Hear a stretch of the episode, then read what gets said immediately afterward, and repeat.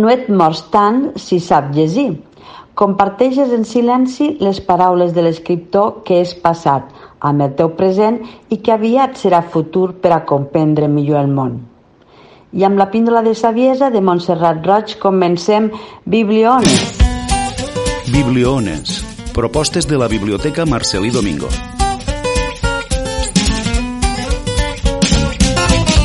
Hola, molt bon dia. Donem el tret de sortida una vegada més al programa Bibliones, un espai de literatura i llibres de la Biblioteca Marcelí Domingo de Tortosa, presentat i conduït per Irene Prades, directora de la biblioteca, amb la col·laboració de l'equip de la biblioteca.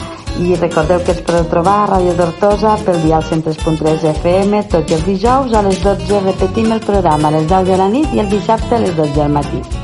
I ja sabeu, si voleu fer-nos algun suggeriment per al nostre programa sobre algun llibre, alguna activitat, ho podeu fer a través de les nostres xarxes socials, Facebook, Twitter i ara també Instagram, o a través de la nostra pàgina web www.biblioteca.tortosa.cat o a través del nostre correu bmd.tortosa.cat. Intentarem fer-ho possible.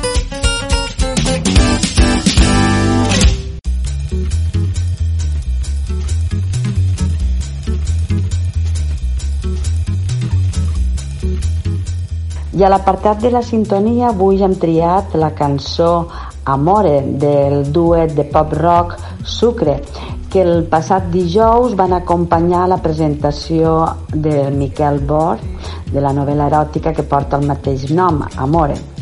Eh, Macià i Ruben són dos amics de la infantesa de eh, les cases d'Alcanar que decideixen compartir les seves inquietuds en format acústic. Així que esperem que us agradi. Et vaig trobar en aquell canal perduda, solitària, inconscient. Serà el destí, serà que sí. La vida pot ser sigui un accident. Que passa de repent que gira sobre mi i sobre tu i jo. Som dos estranys que viuen vides diferents serà el perfum d'arròs i blat seran les plomes del vol d'un ocell tan sols hi ha un breu moment quan el cor batega lentament les ambulàncies sonen alt els llums s'encenen dins de l'hospital la vida és un sospir jo vull respirar. Si tu i jo som dos estranys que es busquen sota l'univers quin cop de sort després dels anys ens hem tornat a veure en aquest cel el meu adeu va recordar aquell infern que algú va rescatar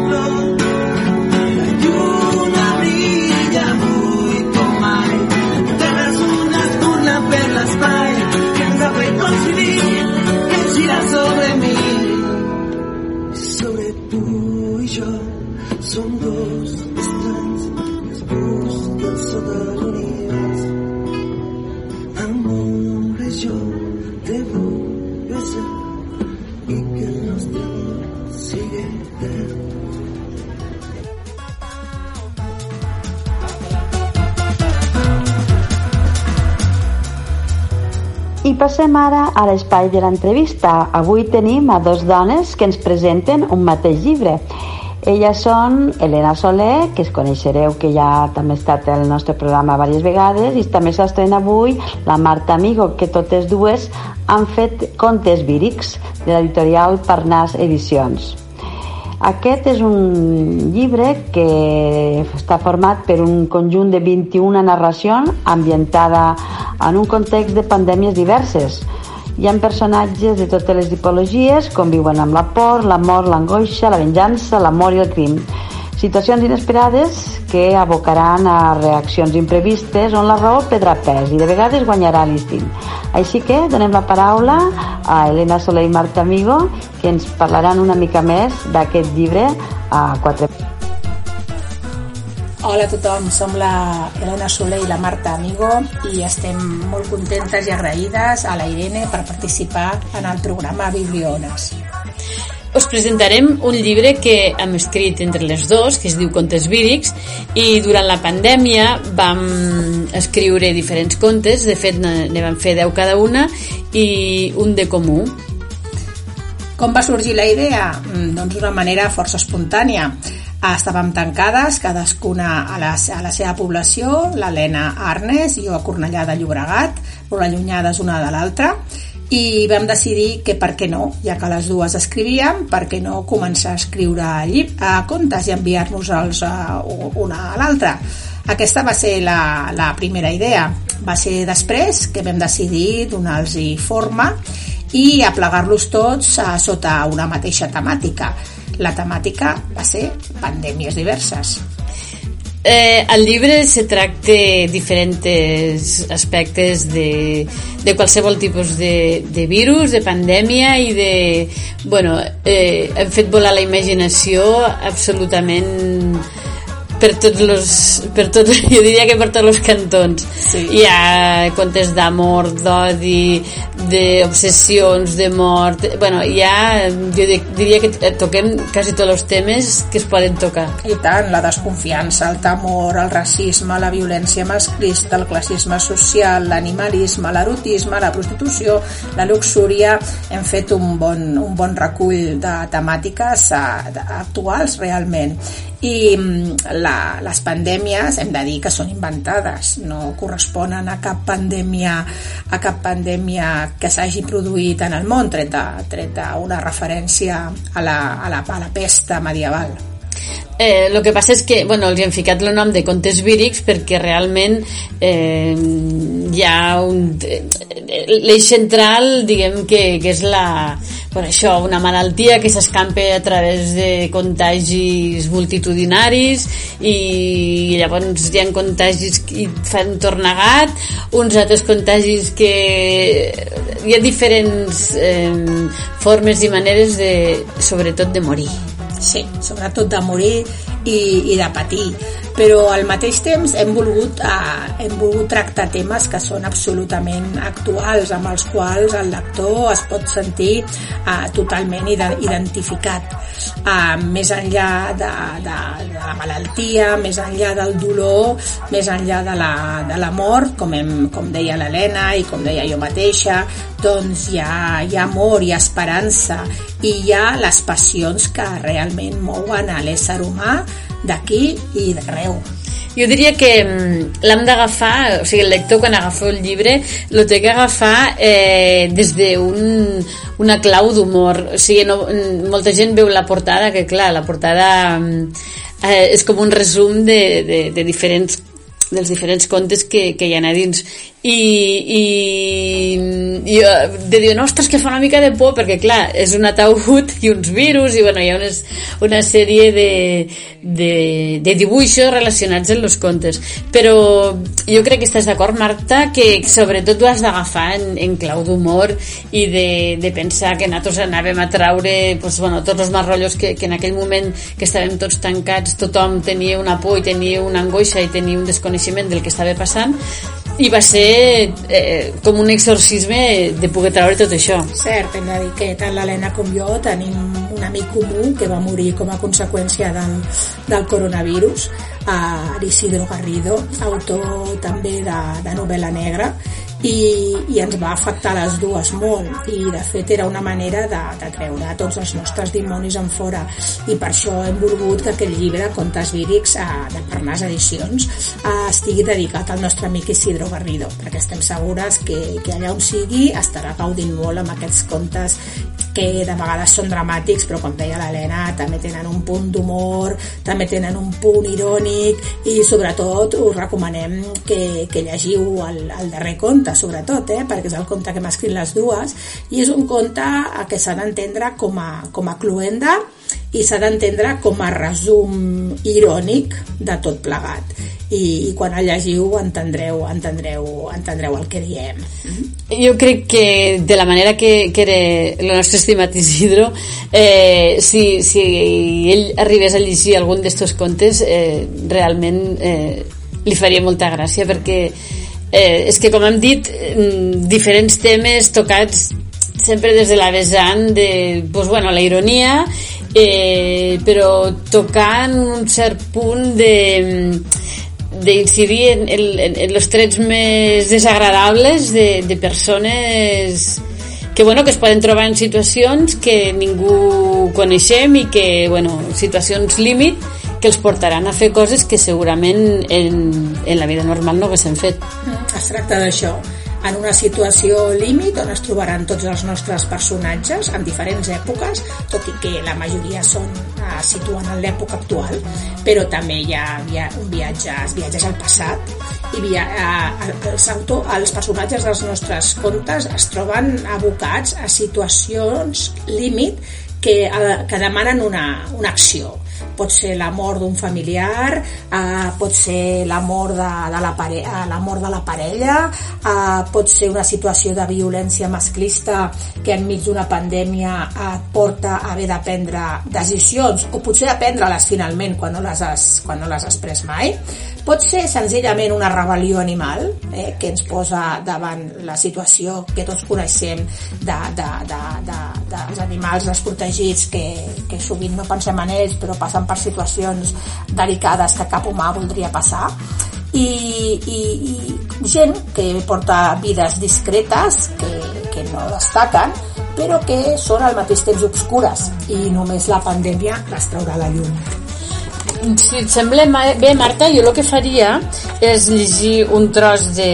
Cadascú llegirà un tros d'una de, de, les, de les seves històries i, i així bueno, els oients podran saber una mica eh, eh, reconèixer l'estil que tenim absolutament diferent però que ens vam acoplar de tal manera que hi havia un moment que quan vam escriure l'últim conte no sabíem quina havia sigut l'última en escriure. O sigui, va ser una cosa cert, cert, mimetitzada. això va passar, sí, sí.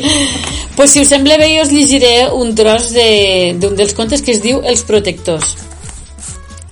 Feia hores que caminava tot i que no era molt conscient del pas del temps en aquell lloc quan descobrí la primera de les cavitats el sorprengueren els dibuixos geomètrics que cobrien les parets i el sostre. El rellotge assenyalava una altitud per sota del nivell del mar de 20 metres. Va fer algunes fotografies amb el telèfon mòbil als plànols. No volia parar. Estava fascinat amb la descoberta i convençut que era la primera persona que en segles trepitjava aquella cova. Seguí caminant i al cap d'una mitja hora es troba enmig d'una plaça rodona envoltada per diferents arcs. Allò no havia fet l'erosió de l'aigua, ni cap causa natural. Aquells portals a la pedra estaven tallats amb les mateixes mides, tots cinc. Jo ara us llegiré un paràgraf de luxúria. Luxúria és un virus que... Que no podeu imaginar. Que no podeu imaginar. De, de, de, de quin tipus de virus i com s'acaba. L'Arnau es va desfer de la roba i la Maria va descobrir un cos prim però musculat i un sexe que la temoria i la treia alhora, perquè mai no havia vist cap. No tenia vergonya, només desig, incontrolable, ferotge, animal. Va desprendre's de la roba interior i va deixar que l'Arnau la penetrés sense preliminars ni miraments, embranzida rere embranzida. Va sorprendre's bramant com una bèstia en un duet màgic amb el seu amant. L'orgasme els va arribar alhora enmig d'un crit que va fer tremolar les parets del vell edifici i va vessar l'ampolla de sake japonès, japonès per terra al mateix temps que els seus fluids. Van repetir l'acte sexual una, dues, tres vegades. Morirem de luxúria, Maria. Estic encès. Tinc els ulls vidriosos. Morirem d'amor, Arnau. Estic encesa. Tinc els ulls vidriosos. Morirem d'amor i de luxúria. O viurem d'amor i de luxúria pues bueno, jo crec que eh, hem fet una mica de resum de lo que és lo llibre i mm, us volem convidar a tots, si, si és possible, eh, a que vinguéssiu el dia 5 de, de juliol a la biblioteca a les 7 de la tarda que farem la presentació de, del llibre Contes Vírics. I ens podreu conèixer a nosaltres dues. Moltes gràcies. Moltíssimes gràcies.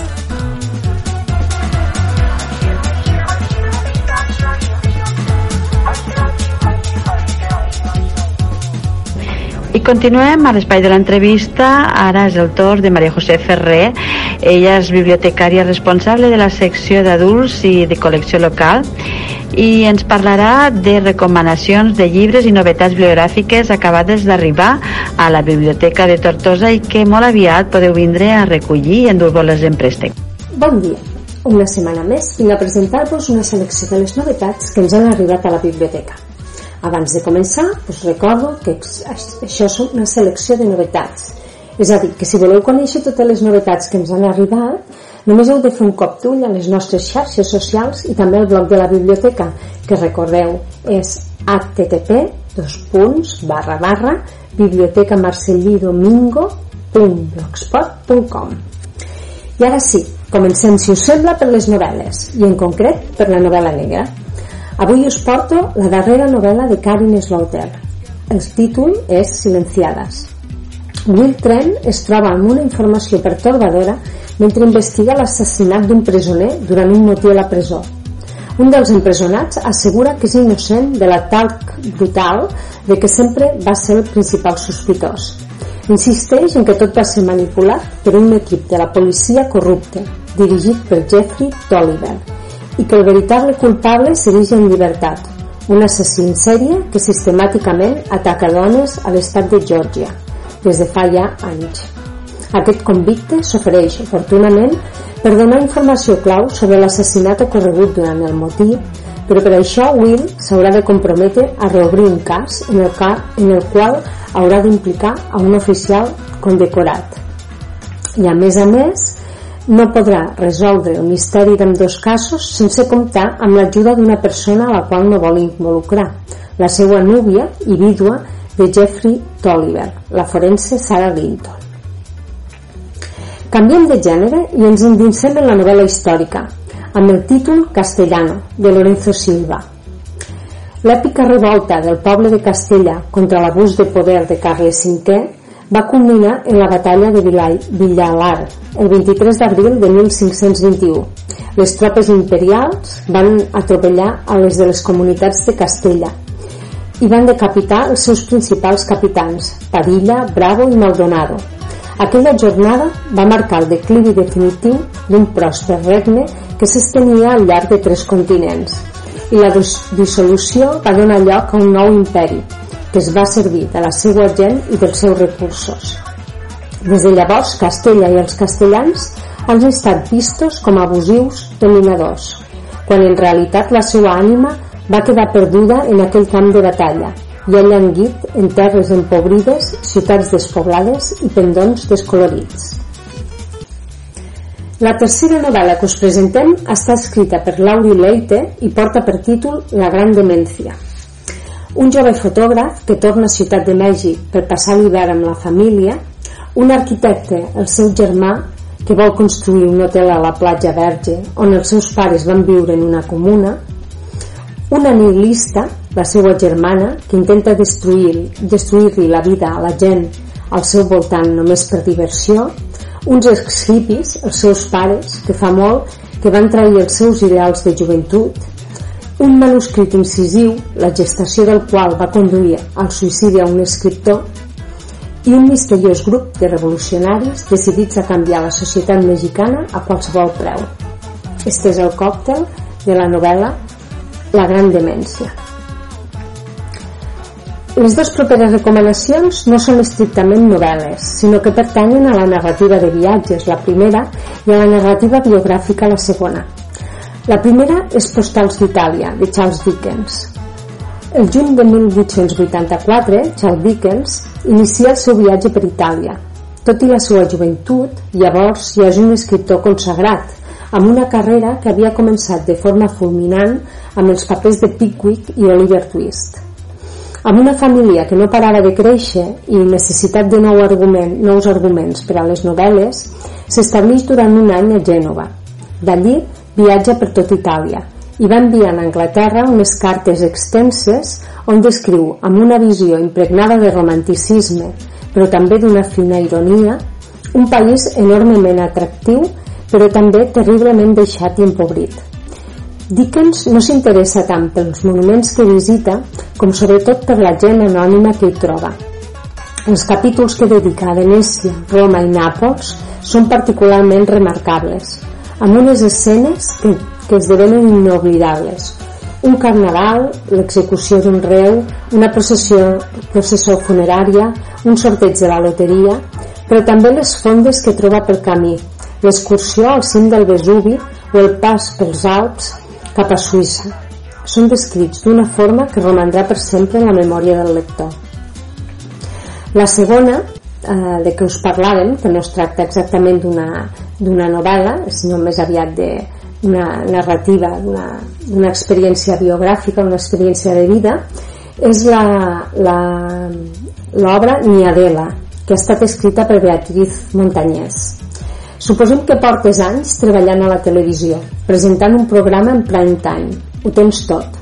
Fama, diners, reconeixement professional, una rica vida social, però sents que alguna cosa fa crac i ho deixes tot, però ho deixes de veritat, perquè saps que arrossegues una ferida profunda i molt antiga que ni la fama, ni els diners, ni els reconeixements han pogut curar. I és hora d'ocupar-se d'aquesta ferida. Aquesta és la història de Beatriz Montañez. Ella va decidir anar-se'n a viure a una cabana de pedra, una antiga barraca que portava diverses dècades abandonada. No hi havia electricitat, ni aigua calenta, ni cap ésser humà a menys de 20 quilòmetres a la rodona. Era perfecta, ja que era el moment d'apostar fort, de veure's a soles amb aquesta dona buida o buidada. Un confinament extrem, un experiment, un rampell, ni de bon tros, Beatriz Montañez fa que viu en aquest modestíssim refugi més de 5 anys, simplement dedicada a escriure. La història que ens explica Niadela és en última instància la d'una despossessió, l'abandonament de si mateixa per poder-se trobar amb aquella que una és en realitat. Però com fer aquest viatge immòbil?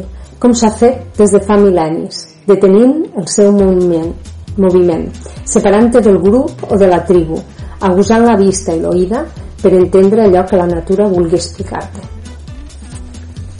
Esperem que, aquesta, que alguna d'aquestes propostes que us hem fet eh, us agrade i canviem de tema passant als llibres de coneixements.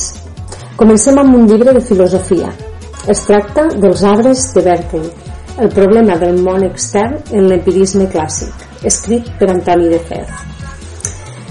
Com podem assegurar que existeix un món extern a la nostra ment i que aquest món és tan tal com ens el representem mentalment?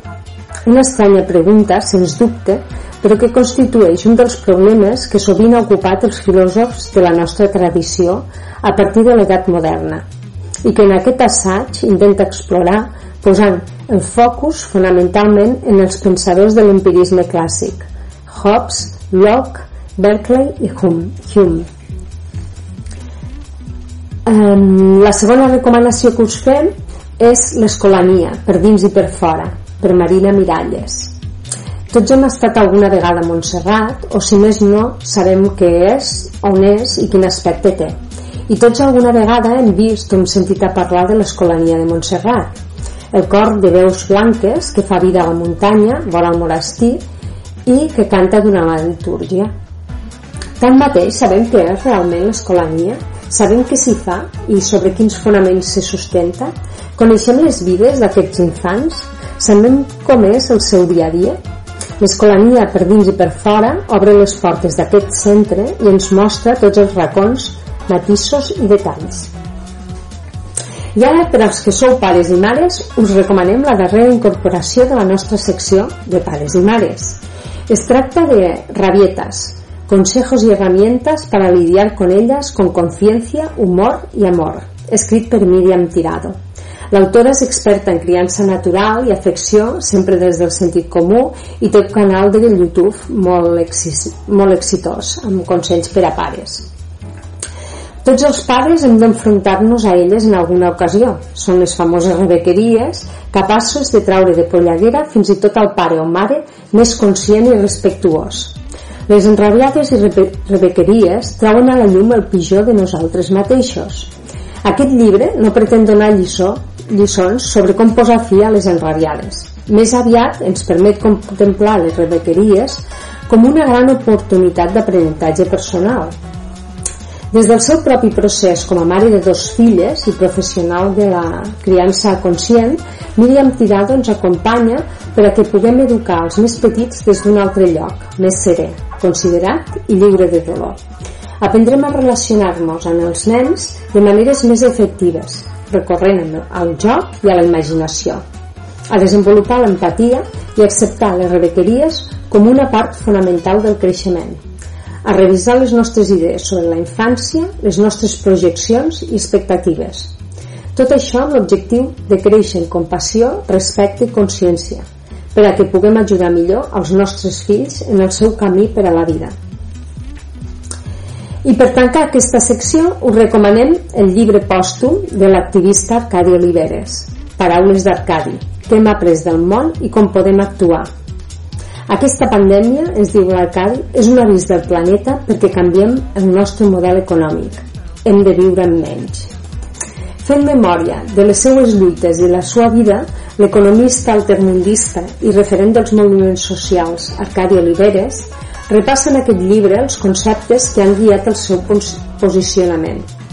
Democràcia, refugiats i migracions, capitalisme, canvi climàtic, antiarmamentisme, cultura de la pau, Podem així entendre fins on hem arribat, què hem après de tot allò viscut i explicar on són les claus per creure encara que aquest és un món habitable. L'Arcadi ens adverteix, estem obligats a l'esperança, perquè l'esperança és l'únic motor per a l'acció.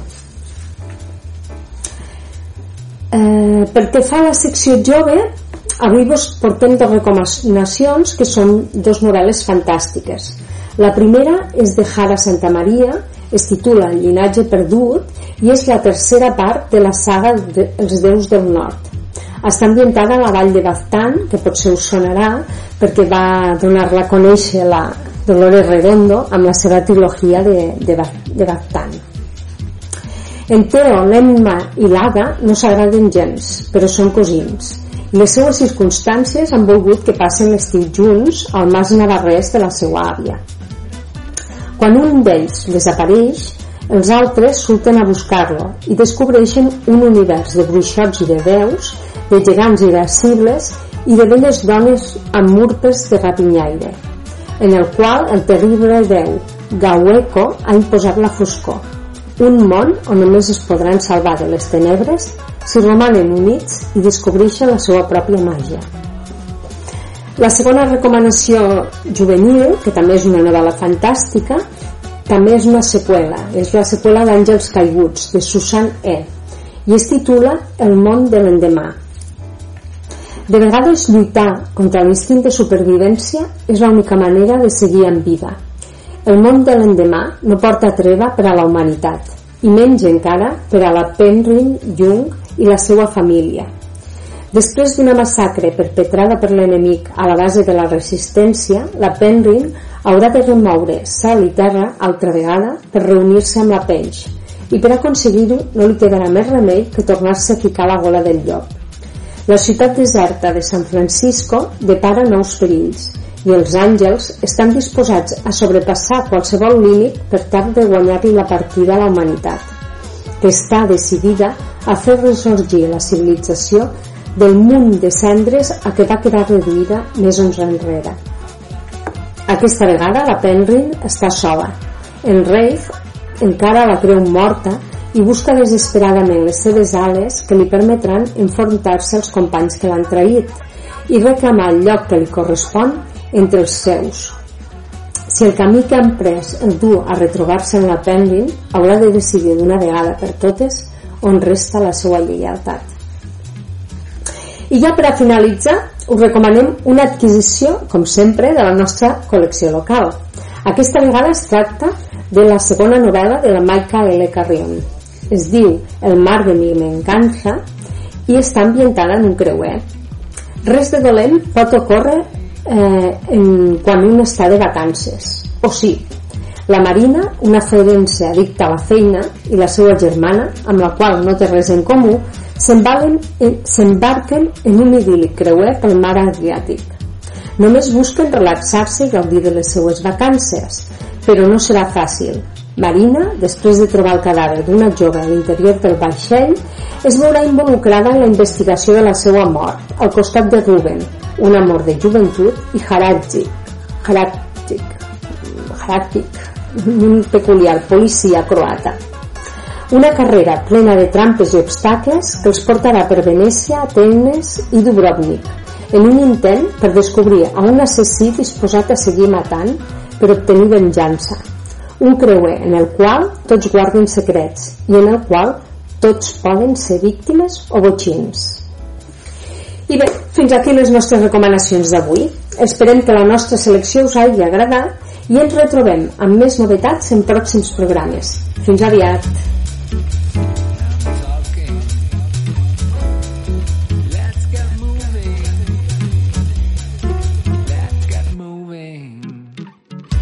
I a continuació us presentarem el llibre Sense fi eh, de Jordi Cabré, escriptor i Premi Sant Jordi 2009, que va tenir lloc el passat divendres a la Biblioteca Marcelí Domingo de Tortosa i va ser presentat eh, per la periodista tortosina Sònia Castelló, que va demostrar ser una gran cinèfila per totes les aportacions que va fer. Tots dos van ser grans comunicadors. Recordem que eh, Sense fi ha estat una novel·la d'intriga psicològica absorbent amb girs de guió corprenedors. Bé, bona tarda, gràcies per, per acompanyar-nos. La Irene m'ha estalviat la feina de, de presentar el Jordi i la seva producció literària i segurament cometré alguna errada, o sigui que gràcies Irene, ja puc entrar al gra. Llenço un avís per a navegants. Aquí en teoria venim a presentar un llibre, però correm el risc d'acabar parlant més de cine que no pas de literatura. I els que em coneixeu en persona ja sabeu que si em poso a parlar de cine no parem. Però bé, eh, les meves disculpes i veniu aquí una altra cosa. Sense fi eh, és la novel·la que presentem ara i a Sense fi el Jordi el que ens explica és la història de, de l'Eva Mat l'Eva és una jove actriu catalana del barri de Sants, i ara no em patina la memòria que en molt poc temps ha aconseguit convertir-se en tota una estrella mundial.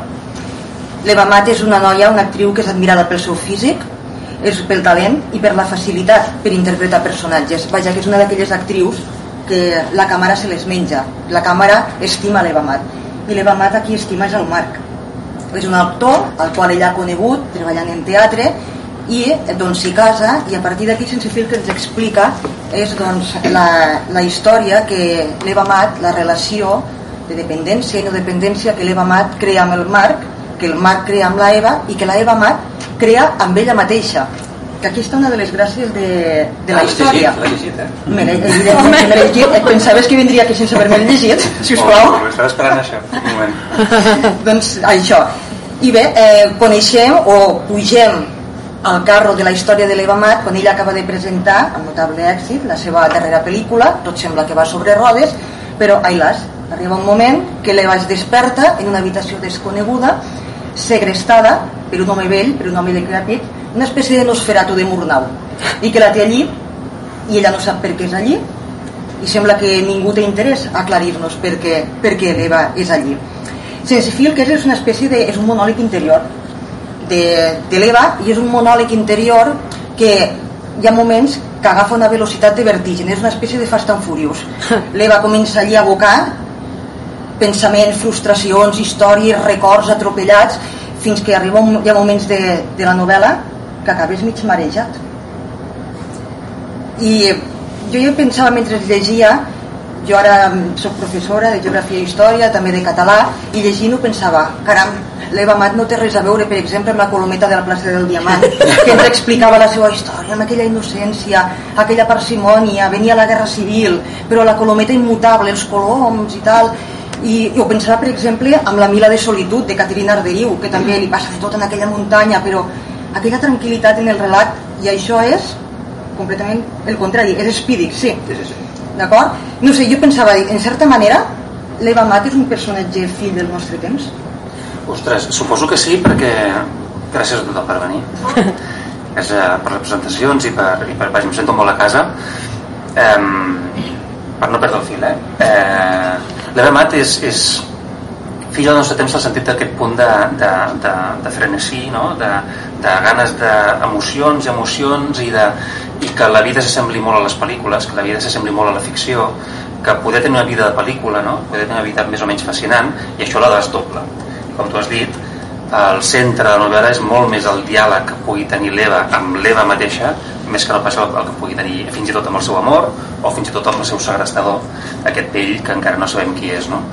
eh, és un triangle, és una mena de triangle amorós entre dues persones és a dir, són tres però en veritat és el Marc i les dues Eves no?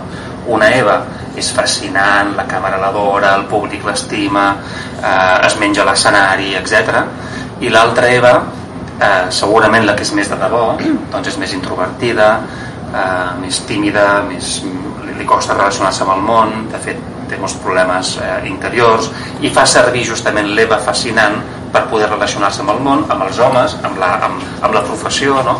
i per poder-se i per poder per poder-se amagar una mena d'identitat secreta, una mena de Clark Kent, eh, però al revés, no? Eh, diguéssim que la, superheroïna és la seva identitat secreta, però en veritat ella és un Clark Kent, és una mena de, de, de, de, de poca cosa que no, que no s'atreveix a sortir. No és acabarem sabent, evidentment, a poc a poc, eh, per què està segrestada per aquest vell, però el més important d'aquesta novel·la, com dius, és el segrest que té Eva Mat d'Eva Mat. És a dir, ella està segrestada per ella mateixa, pel seu personatge. I això ens podem imaginar algunes actrius que els hi pot passar, no? Eh, ella, ella no, no crec que sigui una bona actriu, no crec que sigui una bona actriu perquè una bona actriu, un bon actor el que acostuma a fer és desaparèixer i, i, no, i, i agafa, agafa cosa al personatge el personatge, un, un bon actor sap de sobte tan n'oblides que és el Jack Nicholson o que és la Marilyn Monroe etc i eh, esdevé un personatge en canvi hi ha algunes actrius i alguns actors que tenen tanta força especialment si, si són famosos eh? però a vegades sense ni tan sols ser famosos tenen tanta força i tanta presència que te n'acabes oblidant de, de, del personatge no? jo de fet no recordo segur que sí, perquè ets cinèfila però jo no, jo no sóc tant, jo no recordo cap nom de personatge de la Marilyn Monroe ah. no, és que no és important perquè és la Marilyn Monroe i segurament la contractaven per això perquè és la Marilyn Monroe, m'és igual si és la Betty o la Janet més... no, no, no. Um, i això pot passar i el que passa, en el cas de l'Eva Mat i deixo parlar de seguida perquè no, tens coses escrites no, bueno, bueno. Eh, el que passa en el cas de l'Eva Mat és que no ho porta bé i que, i que ha de fer això dalt de l'escenari i en el plató, però també fora. És a dir, ha d'actuar les 24 hores al dia. Eh, li serveix per desenvolupar-se professionalment, però també aquest caràcter el necessita també quan surt de l'escenari i quan surt del plató. I aquest és el problema, no? El Marc Pobre, que també és un actor, de qui està enamorat? Està enamorat de l'Eva o està enamorat de l'Eva? I clar, això és, un, això és un infern. Amb una variant, a més a més, eh, que em sembla que és important destacar, i és que l'Eva veu el món en blanc i negre. És, té una anomalia ocular que es diu acromatòpsia mm. que li fa veure el món en blanc i negre com a les mm. pel·lícules clàssiques. Aquí també hi volia arribar la cromatòpsia eh, justament l'Eva Mat veu la vida, veu la realitat com les pel·lícules en, en blanc i negre que apareixen contínuament. El Jordi diu que aquí la cinefila sóc jo però discrepo. Hi ha una quantitat immensa de referències cinematogràfiques a pel·lícules fabuloses i això no s'ha de ser molt cinèfil per arribar fins aquí. Això ho has tingut molt bons assessors. És és, és, uh, és, és amor eh? Vull dir, no, no, jo no he sigut mai un gran cinèfil però, però quan, quan, quan agafa un fil argumental de dir ostres és aquest, aquest és l'univers on vull entrar no només em documento, sinó que a més a més tiro enrere de les coses que jo recordo. I evidentment tots tenim tots tenim una cinemateca una filmoteca interior. Hi ha gent que té memòria fotogràfica. Jo penso que tots tenim memòria cinematogràfica. I tots tenim bandes sonores tots tenim una escena. De fet jo diria que aprenem què és fer un petó d'amor a través del cinema. No a través dels pares ni, a través, ni ho veus pel carrer gaire sinó que ho veus al cinema i dius, ah, això es fa així, ah, mira el Humphrey Bogart, mira, doncs, ah, perfecte doncs prenc nota, es fa així Tots som el Totó de cinema El Totó, mira. Sí, tots sí, estem sí. mirant tots estem mirant eh, a, de fet l'Eva Mat quan eh, ha ha atès que està segrestada i que, i que s'ha desmaiat a la presentació de la, seva la seva última pel·lícula i que es desperta segrestada per un senyor vell i que no es pot moure perquè li fa mal tot um, um, l'única cosa que pot fer és recordar i això de recordar s'assembla molt a- al, al, al cinema això sí que és cinema de paradiso eh? eh tu quan vius, o com ara mateix estem aquí a, a, a, en, en directe, en directe, amb Dolby Surround, amb 3D i, i, uh, i físic, i no tot és, és físic i, i és envolvent, no? Um, la vida s'assembla al, al teatre, s'assembla, és, és una sola presa, no, no, no, no hi ha talls, no pots tirar enrere.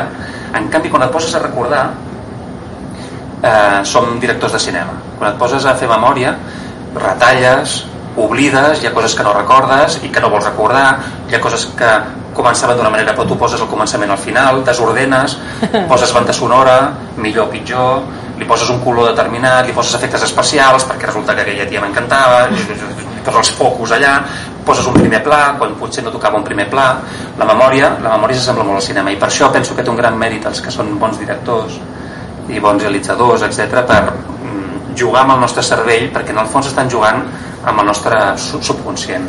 La idea esta que, que, la, que la vida és una obra de teatre i que la nostra memòria és una pel·lícula de cine apareix unes quantes vegades a, a la novel·la. Em permets llegir un dels fragments? Hi ha un moment que, que l'Eva Mat ens diu és el maleït pensament qui ordena, desordena retalla els petons de cinema paradiso o les preses falses.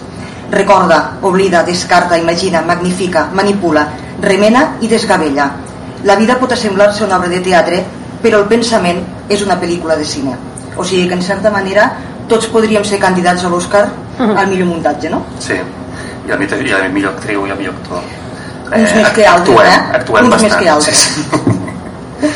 Eh, L'Eva Mat és una espècie, l'Eva Mat i l'Eva Mat són una espècie de Dr. Jekyll i Mr. Hyde. Sí. Les, vas, les vas seguint a les dues, eh, una com deies és molt introvertida, mm, allí amagada al darrere, a les golfes de, de l'Eva Amat actriu, i l'Eva Amat actriu és molt maca, és molt bufona, tothom l'admira, tothom se l'estima, però té moltes punxes. Sí, eh, és un caràcter difícil.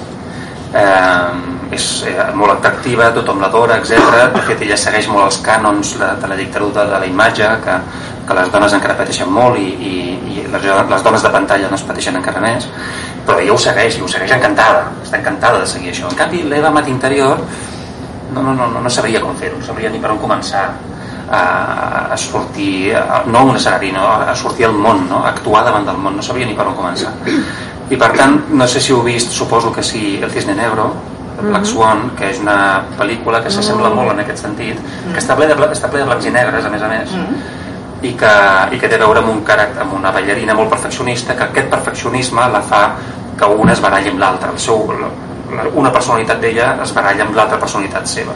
S'hi assembla una mica, ehm, perquè és un thriller psicològic. I a mi m'agrada, jo vaig fer una mica amb Digues un desig, que va més sobre el fet de ser escriptor, eh, i era una novel·la molt masculina i en canvi aquesta eh, la faig en femení també per fugir una mica de, de digues un desig i té també, també amb això. M'agrada no, no sempre ho faig però m'agrada la idea que el pitjor enemic del protagonista o de la protagonista sigui ella mateixa. Eh, que no hi hagi un dolent sinó que realment et puguis estar espantant que és que el dolent sóc jo. M'estic boicotejant a mi mateix. De fet hi ha un moment i amb això no, fa cap, no faig cap spoiler però perquè entengueu una mica què li passa a l'Eva eh, ella pot estar gelosa de com el Marc es fa un petó amb una, amb una actriu francesa i, i perquè ella ho viu molt això del cinema. Ho viu tant que ostres, s'està fent un petó aquí davant dels meus moros en primer pla ho estic veient i a més a més estic notant que no, és, no estan actuant sinó que a més a més tenen algun lío aquests. I es posa molt gelosa i no ho suporta però llavors arriba a casa i diu ostres i si la persona de qui està gelosa no és cap actriu francesa sinó un ésser que conviu amb nosaltres i que dorm al nostre mateix llit. I que sóc jo mateix no? el meu, i si el Marc està enamorat d'una persona que no és la Eva lluminosa sinó potser l'Eva més amagada i més la, la novel·la de fet tu vas llegint-la i, i l'Eva Mate es va multiplicant. Em sembla que, es va, que té capacitat per multiplicar-se fins a l'infinit. Tu has nombrat eh, Black Swan. Jo mentre llegia la novel·la no parava de recordar una escena molt famosa de la dama de Xangai de l'Orson Welles cap al final de la pel·lícula que els personatges acaben eh, entre qui em diuen que sí, algú la recorda que acaben en una antiga, en una antiga atracció de, de miralls i els personatges es comencen a multiplicar i tens el personatge de la Rita Hayworth amb aquell rus platí que li va fer posar l'Orson Welles per ser una d'aquelles moltes parelles del cinema clàssic que van acabar com van acabar però i aquesta escena en, en on veus els personatges multiplicant-se. I arriba un moment que tu com a espectador ja no saps quin és el, el, verda, el, quin és el veritable i quins són els reflexes i això passa aquí, arriba un moment que no saps quantes Eves Amats hi ha, quina és la de veritat eh, quina és la bona, quina és la dolenta.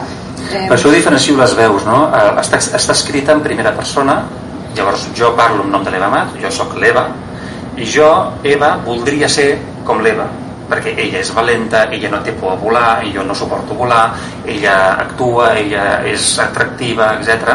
Llavors jo, ella, que és Eva, i després és tu, el Marc, eh, tu eh, m'estimes, etc. però m'encantaria que m'estimessis a mi i no aquest personatge que fa de pantalla entre jo i el món l'Eva es diu Eva perquè sí? O una, perquè jo pensava igual es diu Eva per Eva el desnudo de Mankiewicz no. que tenim la història també de dos actrius una ja veterana, consolidada que veu com n'arriba una de més jove que es diu Eva que li vol fer el llit. Jo pensava, ai mira, potser també no, podria, no. podria haver-hi relació. Pura, pura, musica, pura musicalitat. Buscava una cosa que tingués una mica de música i després buscava un cognom que pogués eh, ser traduïble en, en anglès. Perquè pensava que havia d'agafar una noia que no es digués Puig Domènec sinó que pogués tenir unes lletres eh, en focus allò i que quedés bé a, a qualsevol entrega d'Oscars eh, abans ho has esmentat a, a Digues un desig, la novel·la teva amb la, que, amb la qual vas guanyar el Sant Jordi parlaves, eh, explica la història d'un escriptor que un dia s'aixeca, el dia de Sant Jordi, i descobreix que el llibre més venut de la jornada és la seva autobiografia, una autobiografia que signa ell però que ell no recorda haver escrit. Eh, sembla que... Ell nega haver escrit. Ho nega. O ell nega eh, haver-ho escrit repetim, no? Pot ser una miqueta la, la idea aquesta que, que són temps de, de, de desconcert, no? Sí, i d'imatge, no? Això ho sabem per, per, per Instagram i per les xarxes, que tots tenim un, una imatge que ens fem, no? una pantalla que ens, que ens, que ens, que ens fa com de, de parador però penso que tot això també diu molt de nosaltres no? el, teu perso el personatge que fa servir de parador a les xarxes i a Instagram, etc que és un personatge normalment molt feliç en veritat mm, diu bastant sobre tu perquè tu has escollit aquella màscara i no una altra has escollit aquella imatge i no una altra i tu et penses que estàs enganyant la gent però en veritat tothom sap que estàs penjant allò amb una intenció concreta i amb un guió concret no? i per tant eh, els personatges eh, no, no, no acostumen, a, dir, no acostumen a, a dissimular qui som, sinó al contrari. És quan tu et poses una màscara, una disfressa, resulta que has escollit aquesta disfressa i no una altra. I has escollit aquest personatge i no un altre, i per tant diu molt de tu. No? Eh, L'Eva Mat el que passa és que és un personatge en si mateix. L'Eva Mat és un... És, eh, acaba necessitant del personatge que s'ha creat i això és perillosíssim. No? Eh, d'altra banda, el seu blanc i negre, la seva forma de veure el món en blanc i negre, no només un tema cromàtic, sinó que també té a veure amb una radicalitat. Ella ha estimat tant el cinema i ha estimat tant el món de la intensitat del cinema clàssic i de um, l'amor profund, intens i l'odi també, és l'odi profund intens que tot és molt contrastat és blanc o negre, o m'estimes o no m'estimes i si no m'estimes potser ens hem d'odiar i tot és molt exagerat, molt intens no? I allò com a típica pel·lícula de, de, de, de cinema clàssic on ella li dona una bufetada i després al cap de 3 segons s'estan fent un petó no? tot molt extrem, molt extrem i molt exagerat. És molt blanc i negre el seu caràcter també i per tant molt difícil. Això és molt normalment és molt desagradable viure així però una certa lliçó sí que ens dona aquest caràcter de l'Evamat tan blanc i negre i tan sí o no i és que de vegades la vida sí que és així. De vegades la vida sí que és binària i sí o no i si tu estàs davant d'un altar a punt de casar-te no pots dir sí però no. o si estàs en un referèndum d'autodeterminació normalment és sí o no i, i, i hi ha d'haver que de vegades hi alguns posin aquestes cruïlles no? el que passa que l'Evamat ho viu massa així ho viu massa així, no veu matisos no veu colors i per tant si estem aquí a Venècia m'estàs mirant als ulls eh, no veus que són una certa música que es podria ser sense fine el Gino Paoli eh, que tot està convidant etc. Marc, tio, és, no veus que el guió ara diria que em fessis un petó? I s'enfada. Si el Marc no segueix el seu guió cinematogràfic ella s'enfada perquè voldria que la vida fos com una pel·lícula i no ho és sempre. No ho és sempre i en canvi ho anem buscant sempre. I quan anem a un casament justament diem volem un petó de cine dalt de la cadira. Perquè, perquè la vida no és així però ho anem buscant bueno, i és bonic també. El personatge de l'Eva Mat no funcionaria igual sense la seva cromatòpsia? ho dic com a personatge literari. És que necessitava un personatge molt exagerat uh -huh. necessitava un personatge que realment eh, li, cost, li costés eh, que, que realment reivindiqués la falta de, la falta de, de matisos. És a dir, si alguna cosa es diu al cinema també en la literatura, eh, perquè en la literatura també ho fem eh, crear situacions límit situacions límit, amors intensos eh, petons sota la pluja aquestes coses que, que, que, que, que ens ajuden a anar una mica per feina i, i a crear una història més o menys emocionant no? jo penso que l'Eva havia de ser així l'Eva havia de ser desequilibrada i havia de ser eh, que ens havia d'explicar alguna cosa sobre nosaltres mateixos i el que ens explica sobre nosaltres mateixos és això és eh, eh, com com eh, la intensitat vital i la passió l'anem buscant i no sempre la trobem. El que passa que ho porten molt pitjor que la majoria de la gent. A l'inici de la novel·la eh, el Jordi, abans de començar a explicar-nos la història de l'Eva ens reprodueix una, una frase prou coneguda de, del Cary Grant que era un dels grans galants de, del cinema clàssic. La frase es diu tothom vol ser el Cary Grant fins i tot jo vull ser el Cary Grant I... signat Cary Grant. Imagina't d'acord? Eh, i la novel·la és això, de fer, no? Eh, com eh, ens creem un personatge de nosaltres mateixos i també com la gent s'apropia del personatge que, que nosaltres hem creat sí, sí, sí i en el cas de l'Eva eh, no, no, no, no, no puc dir massa coses sobre com evoluciona la, la, la, la, la pel·lícula de com evoluciona la, la, la novel·la però, però sí que estem en un moment que segrestats pels seus records no?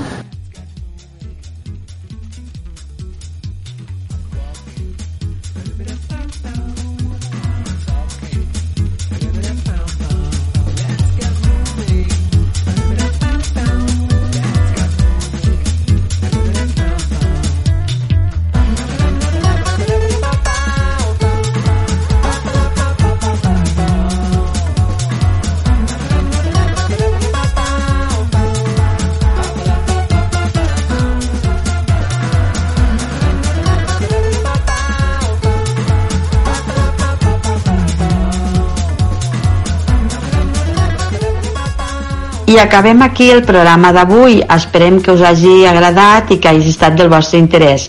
Recordeu que la setmana que ve tornem amb moltes novetats i més lectura. Fins la setmana que ve. Adéu-siau.